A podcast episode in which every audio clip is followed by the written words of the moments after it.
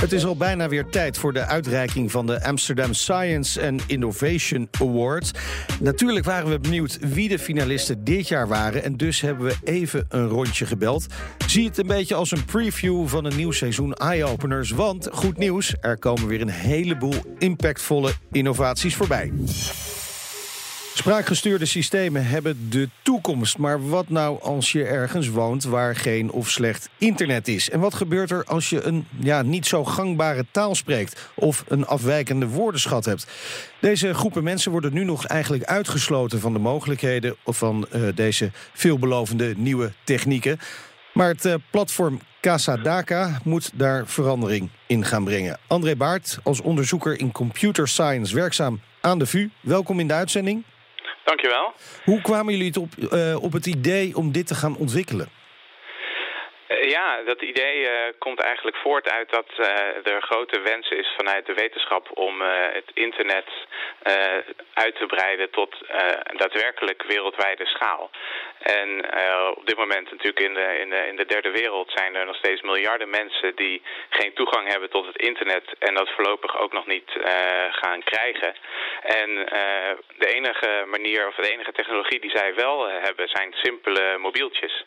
Dus vandaar de gedachte van kunnen we niet de, de voordelen en de mogelijkheden van informatieuitwisseling die je hebt op het internet ook overbrengen zodat zij die kunnen gebruiken gewoon met hun simpele mobiele telefoons.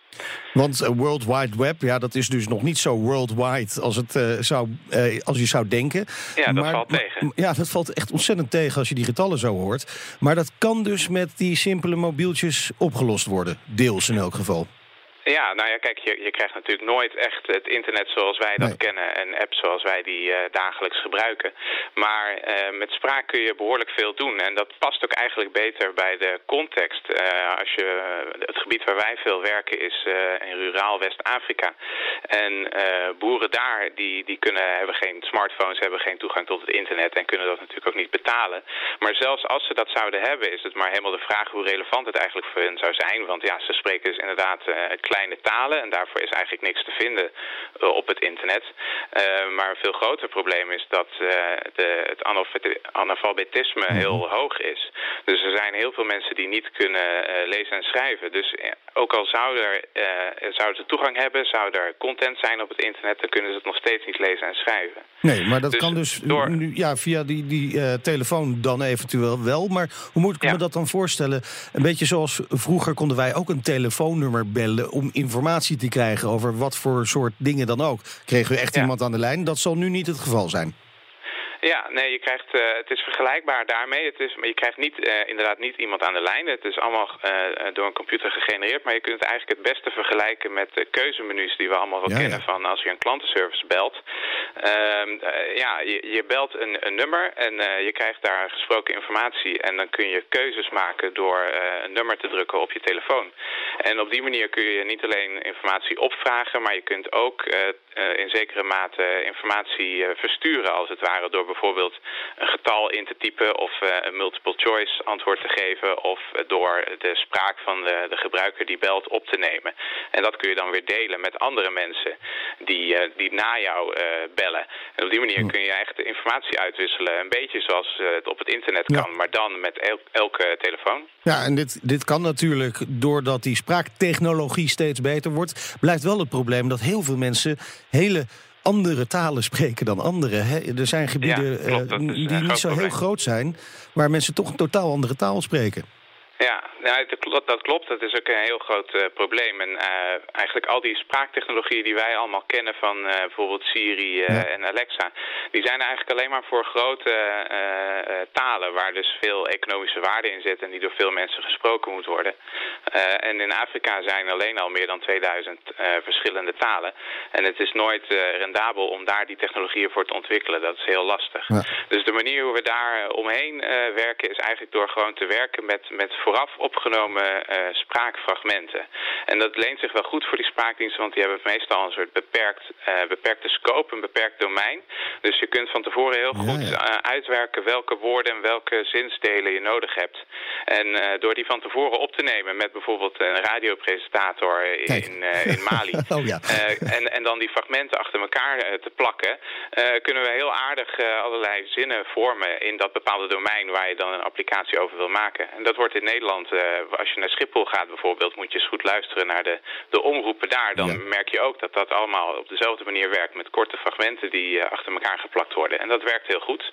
Kijk aan, uh, dit is natuurlijk hartstikke mooi als dit gaat lukken. Maar ik kan me voorstellen dat er best nog wel wat uitdagingen zijn. Welke zijn dat? Ja, er zijn ontzettend veel, veel uitdagingen. Eh, de grootste uitdaging is eigenlijk hoe zorgen we er nou voor dat, dat uh, deze spraakdiensten betaalbaar zijn voor de lokale bevolking. Ja. Um, ja, daarvoor is het eigenlijk essentieel dat we lokale ondernemers uh, aan boord krijgen en dat we die kunnen trainen in relatief korte tijd om dit soort applicaties te ontwikkelen. Want wij hier in het Westen zijn gewoon ontzettend duur. Wij kosten, zeg maar, een, een, een programmeur hier in Nederland kost 100 euro per uur. Als je dat in verhouding zet tot het eh, gemiddelde dagloon van eh, onze doelgroep van ongeveer 2 euro per dag, dan snap je wel dat, eh, dat eigenlijk zo'n spraakdienst afgestemd is, die afgestemd is op een bepaald gebied of een bepaalde dorp, dat dat eigenlijk nooit rendabel gaat worden. Dus daar zit hem wat mij betreft eigenlijk de grootste uitdaging in. We moeten het zo simpel maken dat lokale ondernemers die geen volledige softwareprogrammeurs zijn, toch spraakdiensten kunnen maken. Heel veel succes daarmee. Hartelijk dank, André Baart van de VU. Dankjewel. Temperaturen lopen op. Er eh, valt meer regen in één keer. En tegelijkertijd blijft het eh, langer achter elkaar droog. Het klimaat verandert. En we weten nog lang niet genoeg over de oorzaak en het effect op ons ecosysteem. Hoe kun je nou zorgen dat er sneller en meer onderzoek gedaan kan worden naar dit onderwerp? Nou, ja, dan maak je gewoon een eigen mini-ecosysteem dat geschikt is voor iedereen. Ik praat erover met onderzoeker Oscar Franke. Welkom. Dank u wel. Hoe moet ik me dit nou voorstellen? Ik zeg een beetje een grote glazen bol van een eh, meter hoog vormen met mos en plantjes erin. Maar dat is vast niet het geval. Uh, niet helemaal inderdaad. Um, het is eigenlijk beter te zien als een soort uh, doorzichtige cilinder. Um, dus niet bolvormig uh -huh. en van ongeveer 50 centimeter hoog. Maar op zich uh, met mos en plantjes, dat klopt wel aardig. Want wat we doen is, we steken intacte grondmonsters, dus eigenlijk een compleet ecosysteem. Ja. Met alle bacteriën, schimmels, planten, insecten, wat je maar kan bedenken en vinden erin. Um, dus ja, dat systeem is gewoon intact, dus dat deel klopt wel goed. Oké, okay, en hoe ga je dan daarmee verder? Ga je dan zorgen in die cilinder dat het heel veel regent tijdelijk of tijdelijk heel erg droog is? Hoe werkt dat? Ja, nou we hebben verschillende manipulaties die we kunnen doen. dus ten eerste kunnen we heel specifiek verschillende temperatuurpatronen aanbieden. Dus we kunnen heel specifiek dag- en nachtritmes bijvoorbeeld uh, geven. Maar ook ja, hittegolven nabootsen door extreme temperaturen te genereren. en tegelijkertijd hebben we inderdaad een bewateringssysteem waarbij we specifiek kunnen zeggen per individueel monster, of nou ja, testunit zeg maar, um, hoeveel water uh, er moet vallen en met wat voor frequentie. Oh. Dus of dat inderdaad één keer per week is of misschien wel uh, elke dag, dat uh, kunnen we allemaal instellen. En dan kun je dus de verwachtingen voor een bepaald gebied daarop toetsen, kan ik me zo voorstellen. Maar, maar je hebt per gebied natuurlijk ook weer verschillende begroeiing, verschillende grondsoorten. Dat neem je allemaal mee? Um, nou, het is dus um, eigenlijk gebruikelijk dat als we uh, een bepaald systeem willen testen, ja. uh, dan nemen we daar verschillende uh, grondmonsters van, dus dat hele ecosysteem. Ja. En op de VU hebben we nu 40 van dit soort kolommen staan. Dus we kunnen ook in principe 40 verschillende behandelingen geven of natuurlijk uh, een paar behandelingen selecteren en daar wat uh, ja, replicatie uh, op uitvoeren. Zodat we ook ja, statistisch kunnen testen of er verschillen zijn tussen de behandelingen. Oké. Okay. En is er nu een speciaal gebied dat jullie aan het testen zijn of zijn het verschillende gebieden? Nou, we hebben een tijdje terug uh, hebben we bijvoorbeeld uh, een grasland getest uh, vanuit de buurt van Wageningen. die hebben we toen getest op ja, de effecten van droogte, maar op uh, overstroming ook. Ja. En daar hebben we gekeken hoe bijvoorbeeld uh, wormen daar effect hebben op in hoeverre dat water nou goed afgevoerd wordt. En of dat dan ook weer doorwerkt op bijvoorbeeld de afbraak van strooisel. Ja, ja. Dat is het onderzoek geweest van een collega van mij, Astro okay. Ooms. De, de vraag is natuurlijk, hoe goed kun je de resultaten van deze experimenten met zo'n mini-ecosysteem vertalen naar de werkelijkheid uiteindelijk? Nou dat is een goede vraag. Uh, dat is natuurlijk vaak uh, ja, toch wel uh, het belangrijkste van dit soort onderzoeken. En juist met dit systeem is dat wel goed te doen. Dus juist omdat we die hele natuurlijke uh, sample steken... met al die uh, beesten en planten, schimmels, bacteriën erin... heb je dus een echt representatief stukje natuur. Ja. En ja, het vernieuwende eigenlijk aan dit systeem is, is dus dat we zowel die temperatuureffecten als neerslagpatronen tegelijkertijd kunnen uh, veranderen. Waardoor je dus ook de gecombineerde effecten daarvan kunt bekijken. Want meestal wat er in de natuur natuurlijk gebeurt, is dat het niet alleen maar warm is. Maar vaak als het een warme zomer is, is het bijvoorbeeld ook een droge zomer. Ja, precies. Ja. En dat soort dingen die waren voorheen altijd heel erg moeilijk uh, tegelijkertijd te testen. En daar biedt het systeem dus wel echt een, uh, een uitkomst. Ja. Nou, nou, is klimaatverandering natuurlijk ook een wereldwijd probleem. Uh, kunnen onderzoekers dit inderdaad wereldwijd gaan gebruiken? En wat is dan de impact hiervan? Ja, in principe kan dit uh, wereldwijd gebruikt worden. Dus uh, ja, het, het nemen van de monsters, uh, dat kan in principe overal. En dat zou zelfs heel erg mooi zijn. want een van de dingen die we dan zouden kunnen gaan testen... Uh, nou ja, omdat iedereen dan hetzelfde systeem gebruikt, is dus dat je heel goed die, die verschillende systemen met elkaar kunt gaan vergelijken. Daarnaast zou je dan ook bijvoorbeeld ja, samenwerkingen op kunnen zetten. En bijvoorbeeld grondmonsters uitwisselen. Om dat op andere locaties weer te testen. En kun je dan ook testen welke bodemsoorten bijvoorbeeld in bepaalde omstandigheden het beter doen? Ja, absoluut. Ja, dat is juist een van de, een van de doelen zeg maar, van, dit, okay. van deze opstelling. Super interessant. Is er nog een speciaal gebied waar u zelf heel graag onderzoek naar zou willen doen? Nou, ik heb zelf uh, een groot deel van mijn onderzoek uh, uitgevoerd op Schiermonnikoog. En dan uh, met name op de kweltersystemen daar. en we zijn nu van plan om daar ook grondmonsters te steken. En die bijvoorbeeld bloot te stellen aan, aan extreme temperaturen. Dus dat zou eigenlijk de volgende stap voor mij persoonlijk in ieder geval nu zijn. Heel veel succes ja. met het vervolg van het onderzoek. Hartelijk dank. Oscar Franke van het Department of Ecological Science van de VU. Niet iedereen hoort even goed. Sommige mensen horen zelfs bijna niets... door een aangeboren afwijking bijvoorbeeld... of een later opgelopen beschadiging. En tot nu toe was het niet goed mogelijk om te meten... hoeveel moeite het voor deze mensen nou kost om te luisteren. En als je dat niet weet, ja, dan is het ook moeilijk om ze te helpen. praat erover met Adriane Zekveld, onderzoeker bij het VU Medisch Centrum. Waarom is het nou zo ontzettend belangrijk om te weten... hoeveel moeite het iemand kost om te luisteren? Nou ja, om te beginnen, er zijn heel erg veel slechthorenden. En uh, nou ja, naast dat ze minder goed kunnen verstaan, dat er klanken worden gemist, is het belangrijkste probleem dat ze uh, ontzettend veel inspanning ervaren tijdens het verstaan van spraak. En die inspanning die bepaalt juist of je kunt functioneren in het dagelijks leven. En bijvoorbeeld of je aan het eind van de dag heel erg vermoeid bent van het constant uh, ja, op het puntje van je stoel moeten luisteren om toch die spraak zo goed mogelijk te kunnen volgen. En uh, als we die inspanning, deze, dit meer verborgen aspect van uh, gehoorproblemen, als we dat kunnen meten, uh, ja, dan kunnen we er uiteindelijk ook meer tegen doen. Ja, de natuurlijke reactie voor veel mensen zal zijn om gewoon harder te gaan praten. is dat ook een goede oplossing in principe of juist helemaal niet? Um, voor een slechthorende is het van belang dat er duidelijk wordt gesproken en dat het gezicht van de spreker uh, zichtbaar is en dat uh, ook niet ineens van onderwerp wordt veranderd. Dus er zijn meer factoren dan alleen het volume uh, wat bijdraagt. Het allerbelangrijkste is natuurlijk dat je bewust bent van iemands gehoorproblemen. En ja, daar zit hem ook een beetje de kneep. Het is niet te zien aan iemand.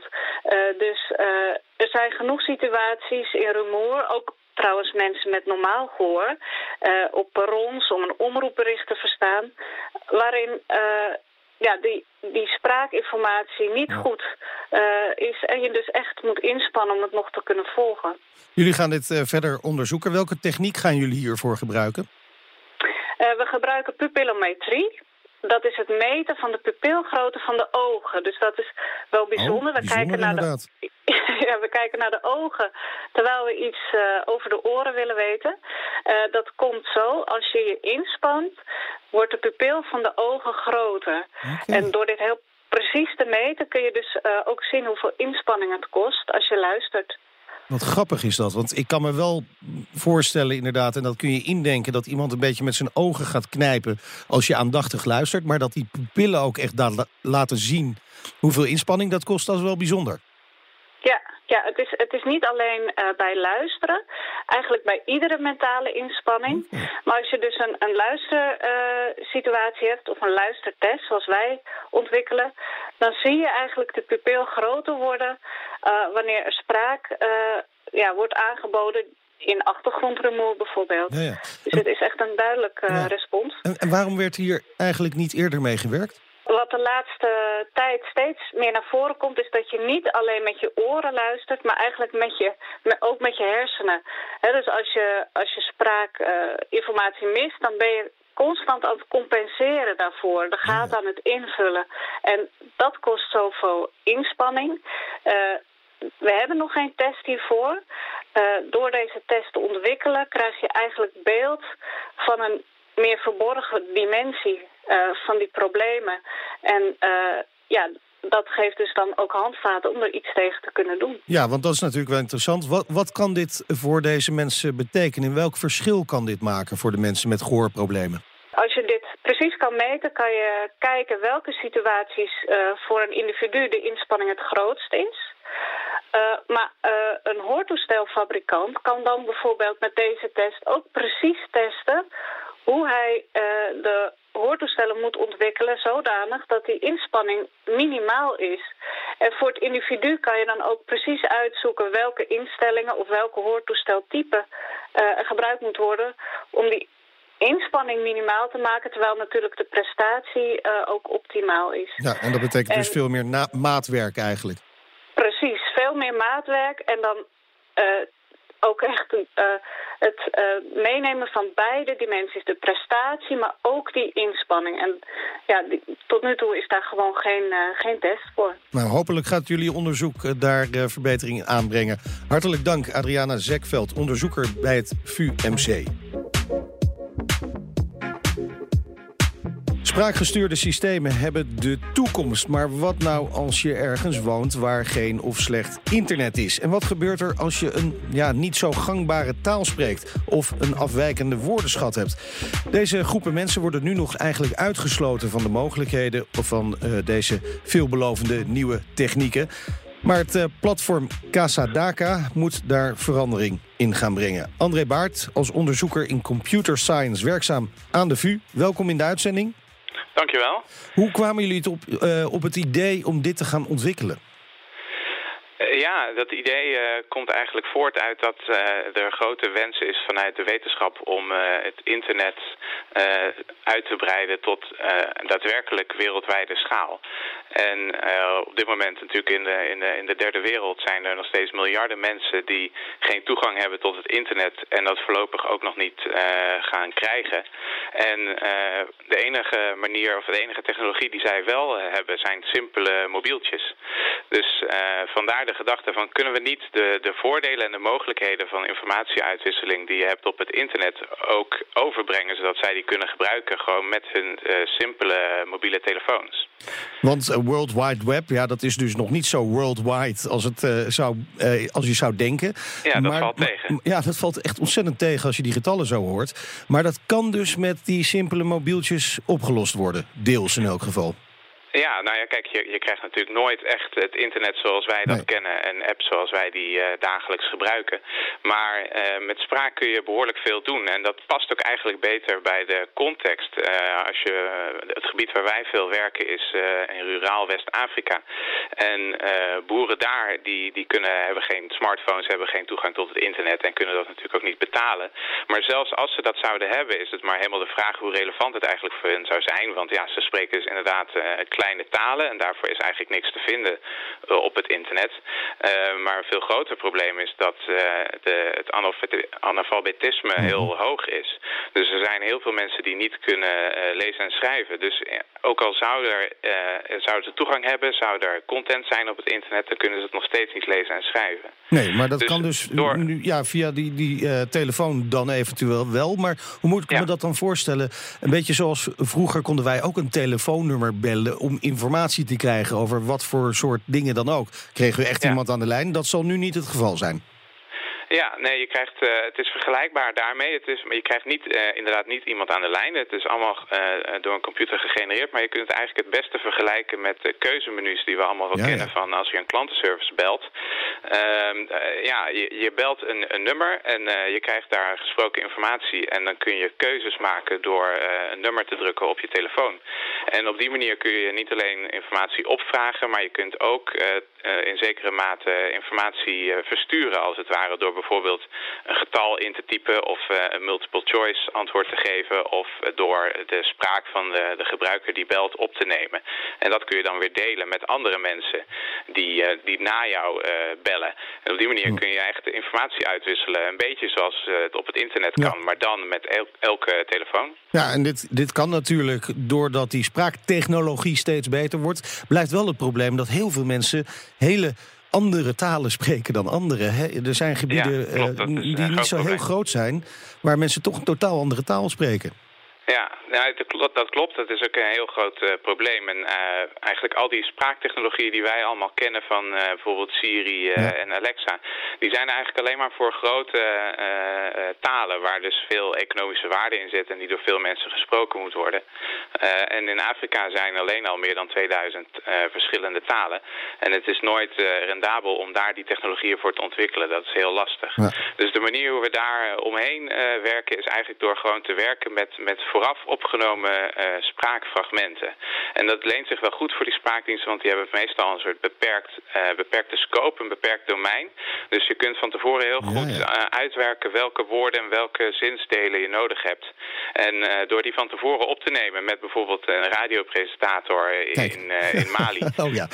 en, en dan die fragmenten achter elkaar te plakken, kunnen we heel aardig allerlei zinnen vormen in dat bepaalde domein waar je dan een applicatie over wil maken. En dat wordt in Nederland, uh, als je naar Schiphol gaat bijvoorbeeld, moet je eens goed luisteren naar de, de omroepen daar. Dan merk je ook dat dat allemaal op dezelfde manier werkt met korte fragmenten die uh, achter elkaar geplakt worden. En dat werkt heel goed.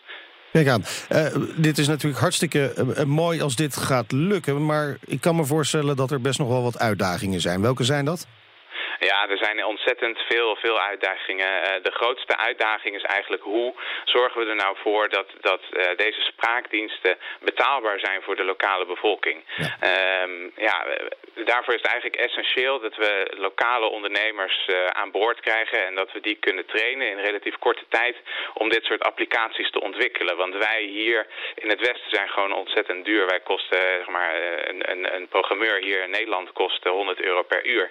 Als je dat in verhouding zet tot het uh, gemiddelde dagloon van uh, onze doelgroep van ongeveer 2 euro per dag, dan snap je wel dat, ja. dat eigenlijk zo'n spraakdienst afgestemd is, die afgestemd is op een bepaald gebied of een bepaalde dorp, dat dat eigenlijk nooit rendabel gaat worden.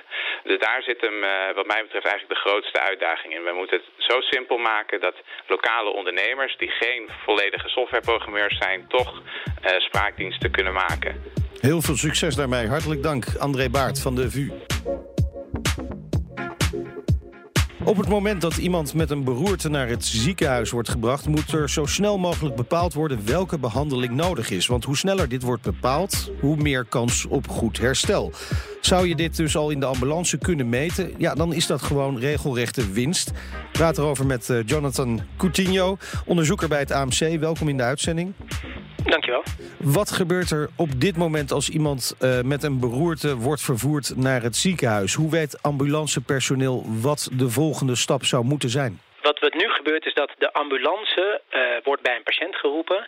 En die bepalen dan op basis van de informatie die ze hebben van die patiënt... dat is het verhaal wat verteld wordt door meestal een omstander en wat ze zien aan de patiënt... Uh, maken ze de inschatting of ze denken dat dat een beroerte is. Dus dat weten ze op dat moment niet zeker, okay. maar dan denken ze dat het een beroerte is. als zij dat beslissen, dat ze denken, ja, dit zou wel eens een beroerte kunnen zijn, dan vervoeren ze die patiënt zo snel mogelijk naar het dichtstbijzijnde ziekenhuis. Ja, dat klinkt nog niet als heel erg ideaal, dit. Nee, maar het is wel noodzakelijk op dit moment. Want die patiënt die wordt dan naar het dichtstbijzijnde ziekenhuis gebracht. En daar hebben ze dan de tools, de mogelijkheden om vast te stellen of het inderdaad een beroerte is. En dat doen ze nu met een CT-scan en een lichamelijk onderzoek door een neuroloog. Ja. Uh, en vervolgens wordt er gekeken, is het een beroerte? En ook wordt er bekeken, wat is de beste behandeling voor die patiënt? Nou kan ik me voorstellen dat het lastig is om zo'n hele CT-scan en een neuroloog in die ambulance mee te brengen. Maar jullie hebben daar een oplossing voor bedacht. Ja, of een dus mogelijke oplossing in elk geval. Ja, dus wat wij voor ons zien is dat we de ambulance, eigenlijk de ambulancemedewerkers, uh, de mogelijkheden bieden om al in de ambulance te kunnen bepalen of het een beroerte is die zo'n nieuwe behandeling behoeft. Want die nieuwe behandeling, dat is een enorm effectieve behandeling. Ja. Daarmee wordt bij de patiënten met een grote beroerte wordt uh, via, een, uh, via de lies, een katheter in de lies, wordt er uh, helemaal naar het hoofd toe een katheter gebracht, naar de bloedvaten in het hoofd en wordt het stolsel verwijderd. En dat is enorm effectief. Alleen dat kan maar in een aantal ziekenhuizen in Nederland, want dat is een complexe behandeling, dus dat mhm. kan niet overal. En heel belangrijk, het moet zo snel mogelijk. Want uh, iedere seconde die verstrijkt, hè, terwijl dat bloedvat nog dicht zit, maakt de kans dat de patiënt gaat herstellen steeds kleiner. Dus die tijd is enorm belangrijk. Dus ons doel is om die ambulancemedewerker een tool te geven waarin zij in de ambulance kunnen bepalen... is dit een patiënt met een beroerte en heeft hij die nieuwe behandeling nodig. Ja, ontzettend belangrijk dus. Maar hoe gaan die ambulance uh, mensen dit controleren? Nou, wat je zelf al zegt, is het, uh, het plaatsen van een CT-scan en een neuroloog in iedere ambulance, dat kan niet. Nee. Dus we moeten een oplossing verzinnen die klein is, die dus in iedere ambulance kan, waar de ambulancemedewerker mee om kan gaan en die ook nog eens heel snel een antwoord geeft. Want de ambulance heeft natuurlijk niet de tijd om een half uur op locatie te gaan uh, uh, analyseren. Dat zijn nogal wat eisen. Ja, dat zijn nogal wat eisen. En wij denken dat we een, uh, een mogelijke oplossing daarvoor hebben. En dat is zo'n hersenfilmpje. Uh, en dat, dat heet een EEG. -hmm. uh, en dat is iets wat we binnen de neurologie heel goed kennen. Want dat gebruiken we nu al bijvoorbeeld voor patiënten met epilepsie wordt dat gebruikt. Maar wij denken dat dat EEG, dat hersenfilmpje, ook gebruikt kan worden in de ambulance om vast te stellen of een patiënt zo'n beroerte heeft die die nieuwe behandeling noodzakelijk maakt. En waarom denken jullie dat? Wat wijst daarop dat het daarvoor gebruikt zou kunnen worden? Nou, het, het, het, die hersenfilmpjes, die EEG's, die worden vooral gebruikt bij patiënten met epilepsie. Maar we gebruiken ze ook wel eens in het ziekenhuis bij patiënten die geopereerd worden aan een halsslagader in de nek. Uh, en dat is, die halsslagader die vervoert ook het bloed naar de hersenen toe. En dan wordt dat hersenfilmpje nu al gebruikt om te kijken of er complicaties tijdens de behandeling optreden. Okay. Want het grote risico van zo'n behandeling, van zo'n operatie, is dat er een beroerte ontstaat. En we weten uit, uit uh, van die ervaring weten we dat als dat ontstaat, dat je dat vaak als eerste op zo'n hersenfilmpje ziet. Uh, en daarom weten we dus dat een beroerte een verandering geeft in het hersenfilmpje. Yes, ja. En we denken dus dat als we die, dat EEG in de ambulance kunnen plaatsen, dat dat het antwoord Ja. geeft. Oké, maar dan, dan maak je een hersenfilmpje in de ambulance. Dat kan ik me goed voorstellen. Maar je moet dat ook nog goed kunnen lezen. Wordt het Ja. dan direct naar een neuroloog gestuurd? Nou, heel eerlijk gezegd zijn we daar nog niet over Oh, uit wat daar het beste is. Dat, willen we, dat moeten we echt nog onderzoeken. Er zijn verschillende varianten mogelijk. Eh, kijk, op dit moment bijvoorbeeld, om een vergelijking te maken... de ambulancemedewerkers maken ook hartfilmpjes in de Ja. ambulance. En die lezen ze zelf. Dus in principe is het mogelijk als, eh, als de signalen niet al te ingewikkeld te interpreteren zijn... en dat denken we dat dat zo is, om dat aan de ambulancemedewerkers te leren. Maar je kunt je ook voorstellen dat het signaal automatisch wordt doorgestuurd naar het ziekenhuis... en dat de neuroloog meekijkt. En je kan je zelfs ook nog voorstellen dat het eh, bijvoorbeeld met artificial intelligence Precies, mogelijk ja. is om gewoon het automatisch te analyseren. En dat het systeem zelf zegt van dit is er een of dit is er geen. En, en tot slot, hoe ver is die artificial intelligence al eh, in die richting aan het opschuiven? Kunnen ze al zoiets goed lezen? Nou, eh, het is wel zodanig dat er allerlei eh, manieren zijn om die, die hersen, die EEG-data te analyseren en die patronen te analyseren. Dus dat kan. Ja. Maar wat we nog niet weten is of het ook voor dit specifieke doeleinde gebruikt kan worden. Daarvoor moeten we eerst heel veel van die gegevens hebben in de ambulance, om die vervolgens dan aan de computer te geven en te analyseren van kun jij hier een patroon uit herkennen. Dus dat, dat, de, de mogelijkheden zijn er om het te doen, maar of het ook echt in die ambulance gaat werken, dat weten we gewoon nog niet. Heel veel succes met het eh, verdere onderzoek naar deze veelbelovende ontwikkeling. Hartelijk dank. Jonathan Coutinho, onderzoeker bij het AMC. Eye-tracking kennen we natuurlijk al. Het wordt bijvoorbeeld gebruikt om te meten waar we nou precies naar kijken op bijvoorbeeld websites. Maar nu moet het ook voor elk bedrijf mogelijk worden om de techniek te gebruiken voor marketingdoeleinden. Berno Buker is onderzoeker bij de VU en hij is van de start-up Attention Architects. Waarom is het nu nog niet zo dat ieder bedrijf eye-tracking kan inzetten? Um, eye-tracking um, is heel veel domeinkennis voor nodig. Het is een, uh, een skill. En om uh, bekend te raken met de apparatuur en de analyse van oogbewegingen, daar gaat uh, tijd in zitten. Op dit moment wordt eye-tracking inderdaad veel online toegepast. En het wordt ehm, soms ook voor offline onderzoek gebruikt. Echter wordt dit vaak in een laboratorium of proefsetting gedaan. En die resultaten die hebben, zijn minder valide voor um, gedrag in de echte wereld. Vandaar dat wij met onze eye-trackers eigenlijk naar de fysieke winkel willen gaan... en in de buitenwereld echte consumenten willen meten... terwijl ze rondbewegen door een winkel. Oké, okay, dus het zit hem deels in het feit dat je een, nu nog een laboratorium nodig hebt om dit goed te doen maar deels ook in het interpreteren van de data. Jazeker. Wij zijn van de experimentele en toegepaste psychologie aan de VU. Mhm. En voordat wij een onderzoek beginnen, dan uh, gaat er ook heel veel voorbereidingstijd uh, komt daarbij kijken. Dat we niet zomaar iemand een brilletje of een eye-tracker opzetten en dan oogbewegingen gaan meten. Het is altijd erg belangrijk dat je een uh, goed onderzoeksdesign hebt met een goede baseline of referentie. En het is ook belangrijk dat je inhoudelijke kennis hebt van de oogbewegingsmechanismen die onderliggend zijn aan het, aan het gedrag. En ook de factoren in de buitenwereld die bepaalde kijkpatronen teweeg kunnen brengen. En wij hebben daar aan de Vrije Universiteit jarenlang voor gestudeerd. En zijn mhm. met het hele team ook onder andere gepromoveerd op oogbewegingsonderzoek. En het voordeel is dat er nu dus zo'n portable tracking device is... waarmee jullie daadwerkelijk in die steden kunnen gaan zitten in de winkels. Jazeker, zeker. De, een eye tracker in een laboratorium, dat is een uh, apparaat van zo'n uh, 10 tot 20 kilo. En met uh, ja, de technologie van tegenwoordig uh, is het mogelijk om, om een eye tracker bijvoorbeeld in een mobiele telefoon te maken. Maar is het ook mogelijk om echt hoge kwaliteits eye trackers te maken... waarmee je mensen vrij rond kan laten bewegen en hun kijkgedrag in de echte wereld in kaart kan brengen. En wat haalt een bedrijf nou uit al die gegevens? Waarom is dit zo belangrijk? Nou, wat je misschien wel hebt gemerkt is dat de visuele aandacht een steeds belangrijkere rol speelt. Er zijn steeds meer schermen in onze omgeving. Er zijn meer reclames die onze aandacht willen trekken. Dus alles om ons heen wil eigenlijk onze aandacht trekken. En met die eye trackers kan je dus precies meten waar in ieder geval de ogen naar gaan. Wat een hele goede proxy is voor waar de aandacht heen gaat. Wat ook belangrijk is, is dat oogbewegingen, uh, je maakt er ongeveer drie per seconde. En je kan niet zo goed vertellen waar je nou precies naar gekeken hebt. Dus oogbeweging is een hele objectieve maat van waar de aandacht heen gaat. En het geeft inzicht in de onderbewuste beweegredenen van de, van de consument... die vaak veel meer valide zijn dan als je achteraf aan iemand vraagt... waarom heb je dit eigenlijk gekocht of uh, waarom voel je je zo bij dit product?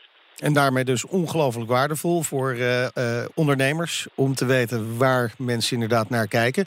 Nou kan ik me voorstellen, je zei het al... We kijken steeds meer naar verschillende schermen. Techniek wordt steeds beter, kleiner. Moet ik me voorstellen dat er op een gegeven moment... ook zo'n tracking device gewoon in mijn smartphone of in mijn televisie zit?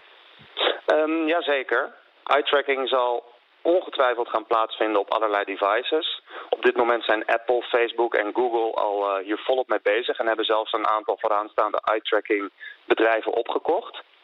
Um, op het moment zit ook in bepaalde Samsung-telefoons... wordt al heel erg veel, wordt daar, oogbewegingen worden daar gemeten... maar nog niet accuraat genoeg om er ook echt uh, iets mee te kunnen doen. Het is meer een soort gimmick op dit moment. Dus uh, het is zeker, uh, zeker voor te stellen dat oogbewegingen ook in televisies en mobiele devices komen. Maar dan kom ik weer terug op het feit dat je dan alleen maar gedrag online of op een scherm kan ja. meten. Terwijl wij het juist zo belangrijk vinden om de consumentenbeleving, de consumentervaring in de fysieke wereld te, in kaart te brengen. Dankjewel Berno Buker, onderzoeker aan de VU en van de start-up Attention Architects. En de winnaar van de Amsterdam Science and Innovation Award is een initiatief van Innovation Exchange Amsterdam. Wordt dinsdag 19 juni bekendgemaakt. Maar goed, wie er ook wint, we hebben er weer een paar mooie innovaties bij. Eye-Openers is vanaf september weer elke week te horen op BNR. En tot die tijd vind je ons online. Ik ben Meijnerd Schut en je hoort me in de toekomst.